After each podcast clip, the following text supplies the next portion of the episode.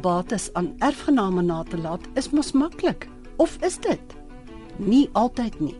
Nie elke erfgenaam wat in 'n testament benoem word, mag erf nie. Ek is Helen Ukerman en 'n hartlike welkom by vandag se uitsending van Rand en Sent hier op RSG 100 tot 104 FM. Met verwysing na die Griekwas stadmoorde en die veroordeelde moordenaar Don Steenkamp, asook meer onlangse sake wat nog nie voor die hof was nie, vra mense toenemend die vraag: Is dit regverdig dat iemand wat skuldig bevind is aan die moord van byvoorbeeld 'n welgestelde ouer, 'n fortuin erf en in luukse kan leef nadat hy of sy die straf wat deur die hof opgelê is uitgedien het? By ons in die ateljee vandag is Dawie Roo, fidusiëre konsultant van Legatus Trust. Welkom terug Dawie. Baie dankie Helen, dit is lekker om te wees en baie dankie vir die geleentheid. 'n Goeiemiddag aan die luisteraars. Julle sal onthou dat Dawie se 2 maande gelede hier was om ons meer van testamente te vertel en vandag gaan ons in meer besonderhede praat oor die sogenaamde bebloede hand wat nie mag erf nie. Wat presies beteken dit Dawie? Dit is eintlik presies wat dit sê Helen, dit is 'n ou uh, deel uit ons uh, Romeins-Hollandse reg. Dit kom daarop neer dat as jy verantwoordelik was vir die dood van iemand, dan mag jy nie van daai persoon erf nie. So iemand wat skuldig bevind word aan die dood van 'n ander persoon mag nie van daardie persoon erf nie. Wat gebeur nou met daardie persoon se erfporsie? Daardie belangrike hierso Helen is uh, dat hy moet skuldig bevind wees. So 'n persoon is nie geregtig om te erf nie. Uh wat normaalweg sou gebeur kom ons sê byvoorbeeld daar's 'n geval waar 'n persoon sê ek bemaak 'n miljoen rand aan my seun Piet uh, en dan die restant aan my kinders uh, Koos en Sannie. Dan sal Piet wat sy pa nou uh, doodgemaak het sal nie kan erf nie. Sy erfenis sal dan terugval na die restant erfgename en sy broer en suster sal dan erf dan is dit ook nie net in die geval van moord nie, nie waar nie, dat die moontlikheid bestaan dat iemand nie kan erf nie.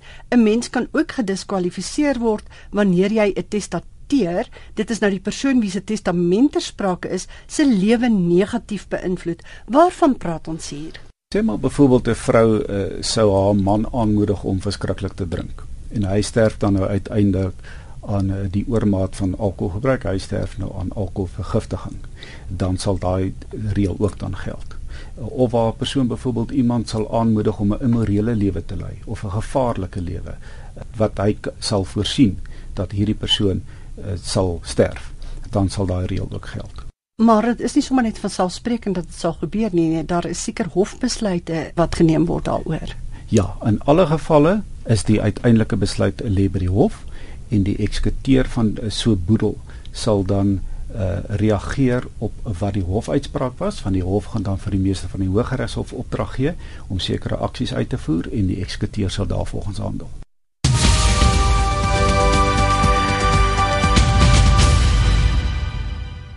Voor ons verder met Dawie praat, eers gou 'n navraag van een van ons luisteraars, Louis Stander, belastingpraktisyn van Linden in Johannesburg.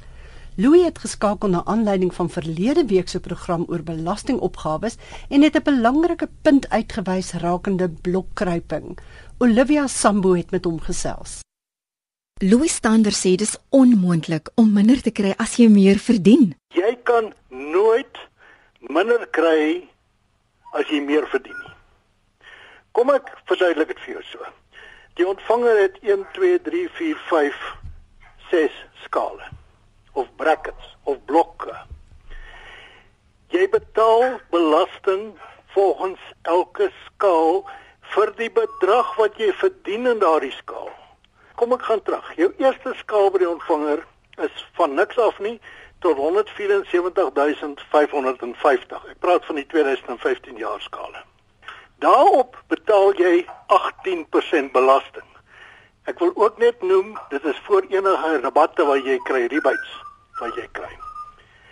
As jy na die volgende skaal toe gaan, wat begin by 174561 tot en met 272700, betaal jy 25%, maar slegs op die bedrag wat in daai skaal val.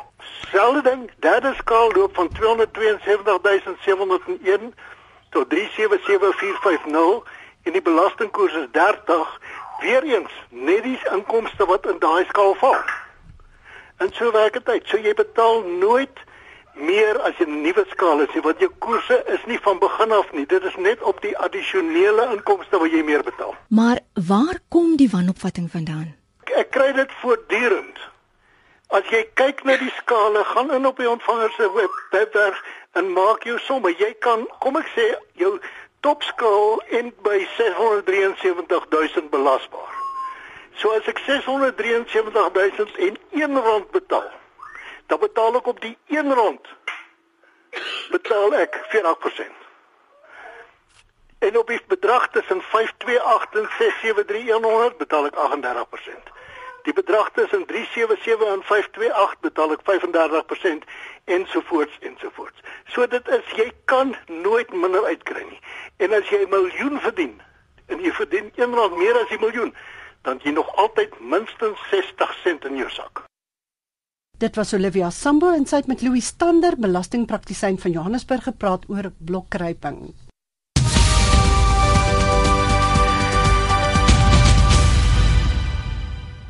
Jy luister na Rand en Sent met Helen op RSG 100 tot 104 FM en ons ateljee gas vandag is Dawie Roo, fidusiëre konsultant van Legatus Trust en dit is 'n maatskappy wat spesialiseer in die opstel van testamente, trusts en boedelbereddering. Onthou jy kan hierdie program aflaai in MP3 formaat van RSG se webtuiste rsg.co.za as jy weer wil luister. Aan die einde van die program gaan ons alle kontakbesonderhede gee wat nodig is om kontak te maak met Dawie as jy meer wil uitvind oor testamente, trusts en boedelbereddering. Dawie, kom ons gesels verder. Voor die breek het ons gepraat oor die negatiewe beïnvloeding van iemand se lewe. Maar daar is ook omstandighede waar 'n testateur onregmatig beïnvloed kan word om spesifieke items aan iemand na te laat. Wat gebeur in so 'n geval? Sê byvoorbeeld ek moedig iemand aan by wyse van dreigemente of beloftes om uh, sekere bates aan my te bemaak en dit kan be dan bewys word dat ek hierdie persoon beïnvloed het om wel daai bates aan my te bemaak. Dan sal dit ook dan weer eens is dit 'n hofbesluit uh, kan die hof dan besluit dat daai erflating my nie sal toeval nie. As my ouer of 'n ander familielid my vra om sy of haar testament op te skryf in my eie handskrif is dit toelaatbaar Jy kan, jy kan 'n testament in in jou eie handskrif skryf. Dit is nie 'n probleem nie. Jy moet net seker maak dat hy voldoen aan die wettige vereistes, met ander woorde dat hy eh, korrek uh, geteken is uh, en dat jy jou vorige testamente herroep en en so voort. Maar jy wat hom geskryf het, sal nie kan erf nie. So ek kan nie 'n testament vir my pa skryf en hy bemaak sy hele boedel aan my uh, en dan erf ek sy boedel nie die goue reël daar ook is waar jy met 'n testament te doen kry wat met die hand geskryf is, het sy volledig of het sy daar net gedeeltes in met die hand geskryf is, doen 'n beëdigde verklaring deur 'n kommissaris van ede wat bevestig wie daai handgeskrewe gedeeltes op die testament aangebring het. En dit is nou die testateur wat dit moet doen. Uh dit sal jy deur 'n kommissaris van ede doen. So met ander woorde, dit kan gebeur nadat die die testateur tot afsterwe gekom het. So dan kan die eksekuteur vir 'n versoek uh, rig sê maar byvoorbeeld die testament het nou via 'n makelaar gekom. Mm -hmm. Dan kan hy vir die makelaar sê ek het 'n beëdigde verklaring nodig om te bevestig wie hierdie testament met die hand geskryf het. Want die meester gaan dit vereis. Goed, maar ek bedoel dit is die persoon wie se testament dit is wat daardie handgeskrewe dele na 'n kommissaris van ede toe moet vat. Dit sal verkieslik wees, maar ja. nie noodwendig nie. Nee, dit dit kan wees dat Ehm um, Pietie is nou oom Jan se finansiële adviseur. Ja. Pietie skryf oom Jan se testament uh, met die hand. Ja. Uh nou gaan oom Jan dood. Maar tant Sannie wat die oom se vrou is, sy weet dat Pietie die hand met die testament met die hand geskryf het. Ja. Dan kan sy so 'n beëdigde verklaring afneem. Hier is nog 'n situasie waar 'n persoon moontlik nie gaan kan erf nie. En dit is wanneer iemand daaraan skuldig bevind word dat hy of sy 'n testament beskadig, vervals, vernietig of weggesteek het.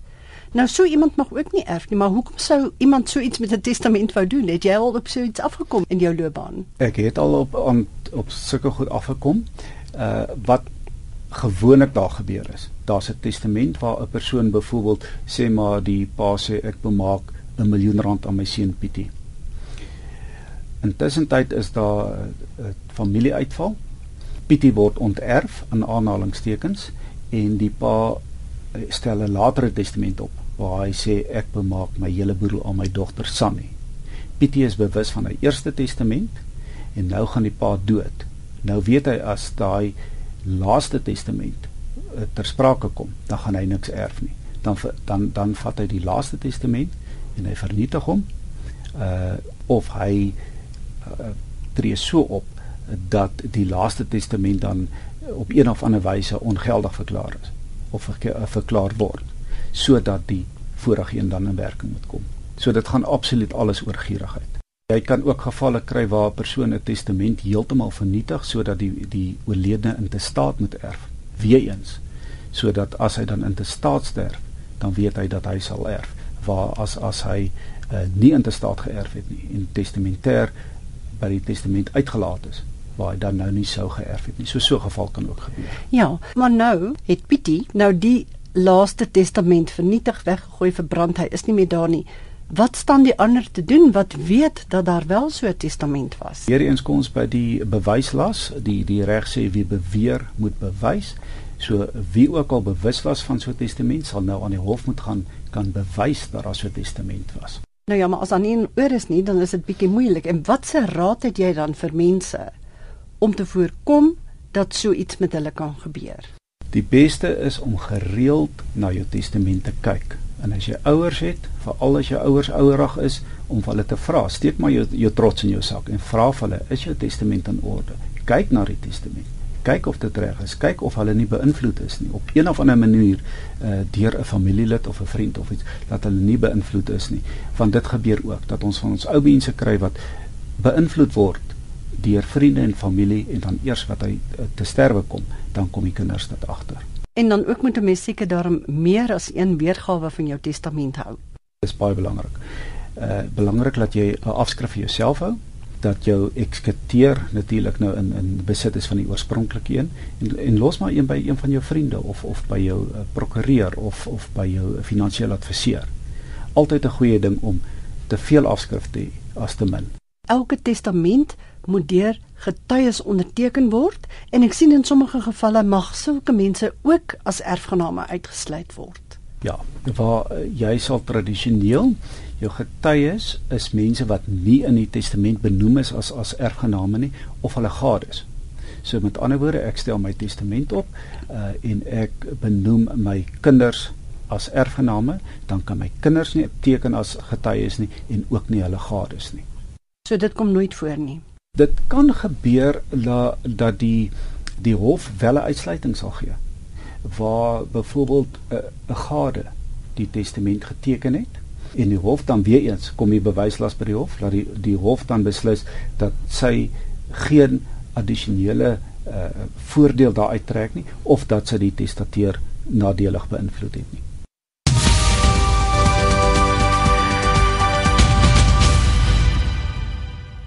Jy luister nog na Rand en Sent hier op RSG en dit is natuurlik op 100 tot 104 FM.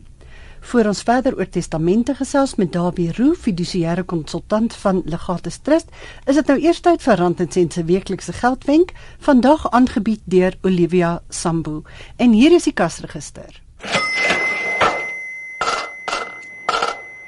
Nie alle skuld is dieselfde nie. Jy kry duur skuld en goedkoper skuld.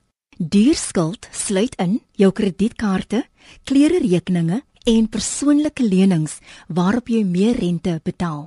Jy kan tot 20% rente hierop betaal. Goedkoper skuld sluit in jou huisverband en 'n lening op jou motor waarop jy minder rente betaal.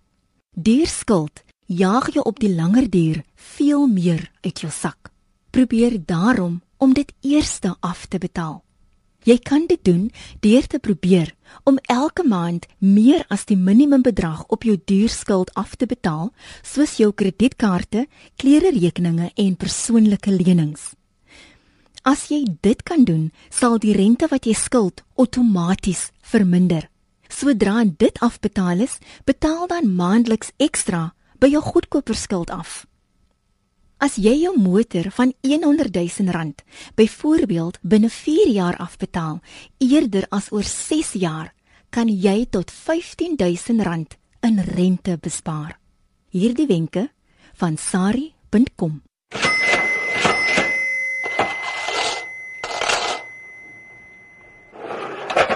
En dit was ons weeklikse geldwenk met Olivia Sambo.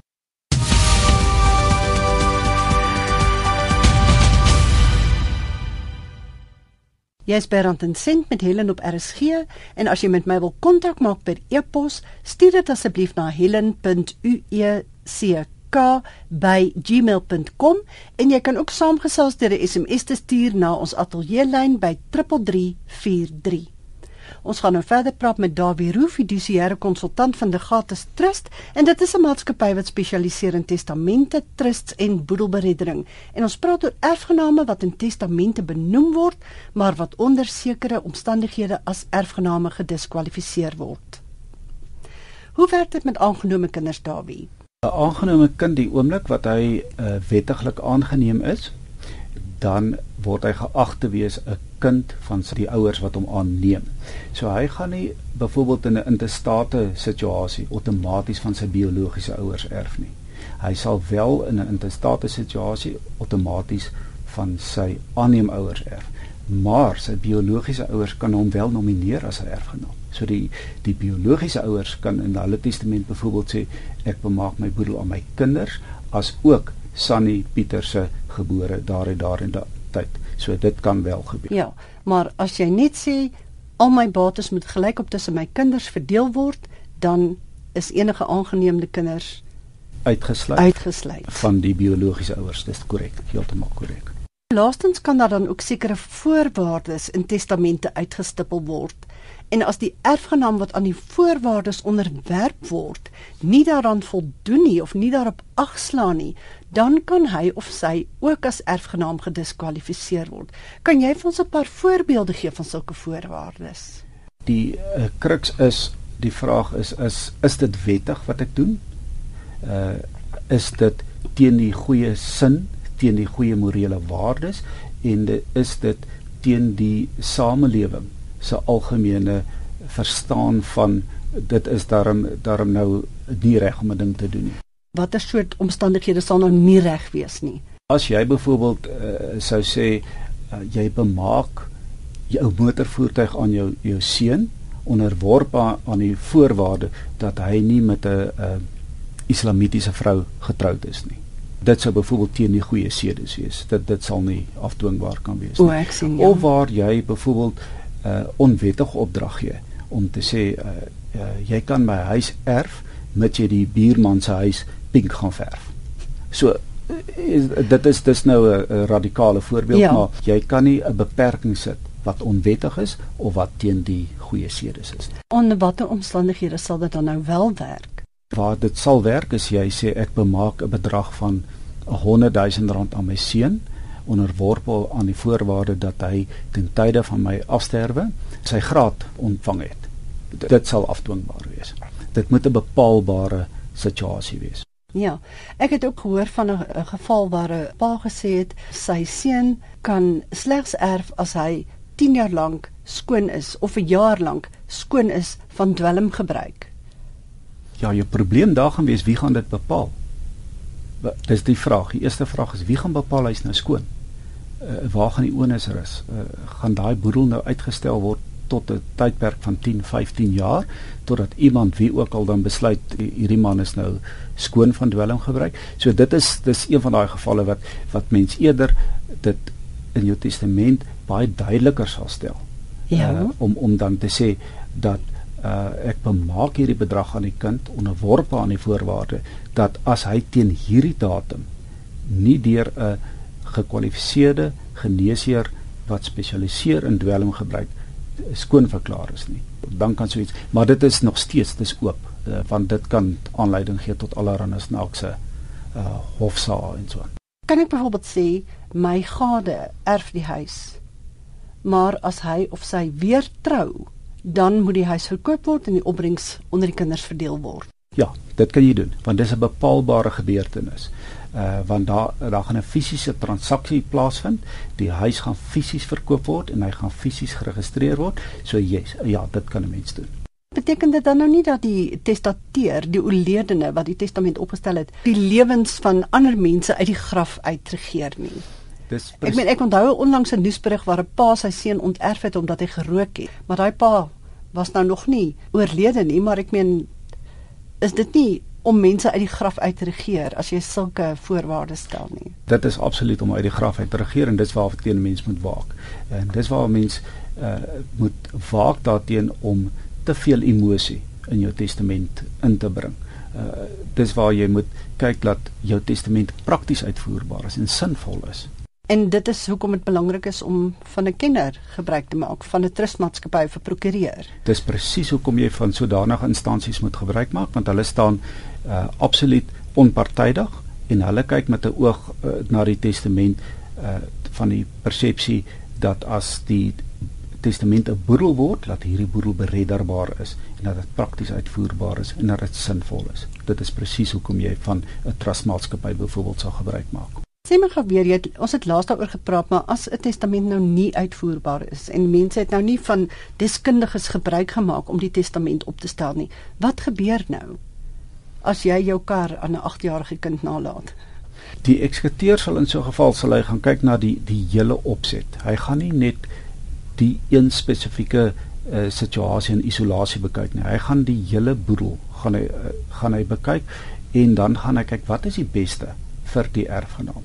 Uh, kan ons nie herverdelingsooreenkomste byvoorbeeld maak nie in plaas om nou hierdie kar aan die uh, die kind te gee wat 8 jaar oud is, kan mens dan nie eerder 'n herverdeling doen en sê die waarde van die kar is 100 000 rand. Verkoop die motor vat die 100 000 rand, sit dit in testamentêre trust ten behoewe van hierdie kind dan erf die kind in elk geval ehm, 'n um, bedrag gelyk staan aan wat hy sou geërf het, maar is prakties uitvoerbaar. So as daar 'n onuitvoerbare testament is, dan kan die eksekuteur ander planne beraam sodat die erfgename nog steeds baat vind. Binne die raamwerk van die wet, ja. Definitief. En hy doen dit dan oorleg met ander erfgename? Presies, ja. Ja, jou uh, restante erfgename sal altyd 'n insaai hê uh, en dan soos ek nou net gesê het, uh, binne die raamwerk van die reg.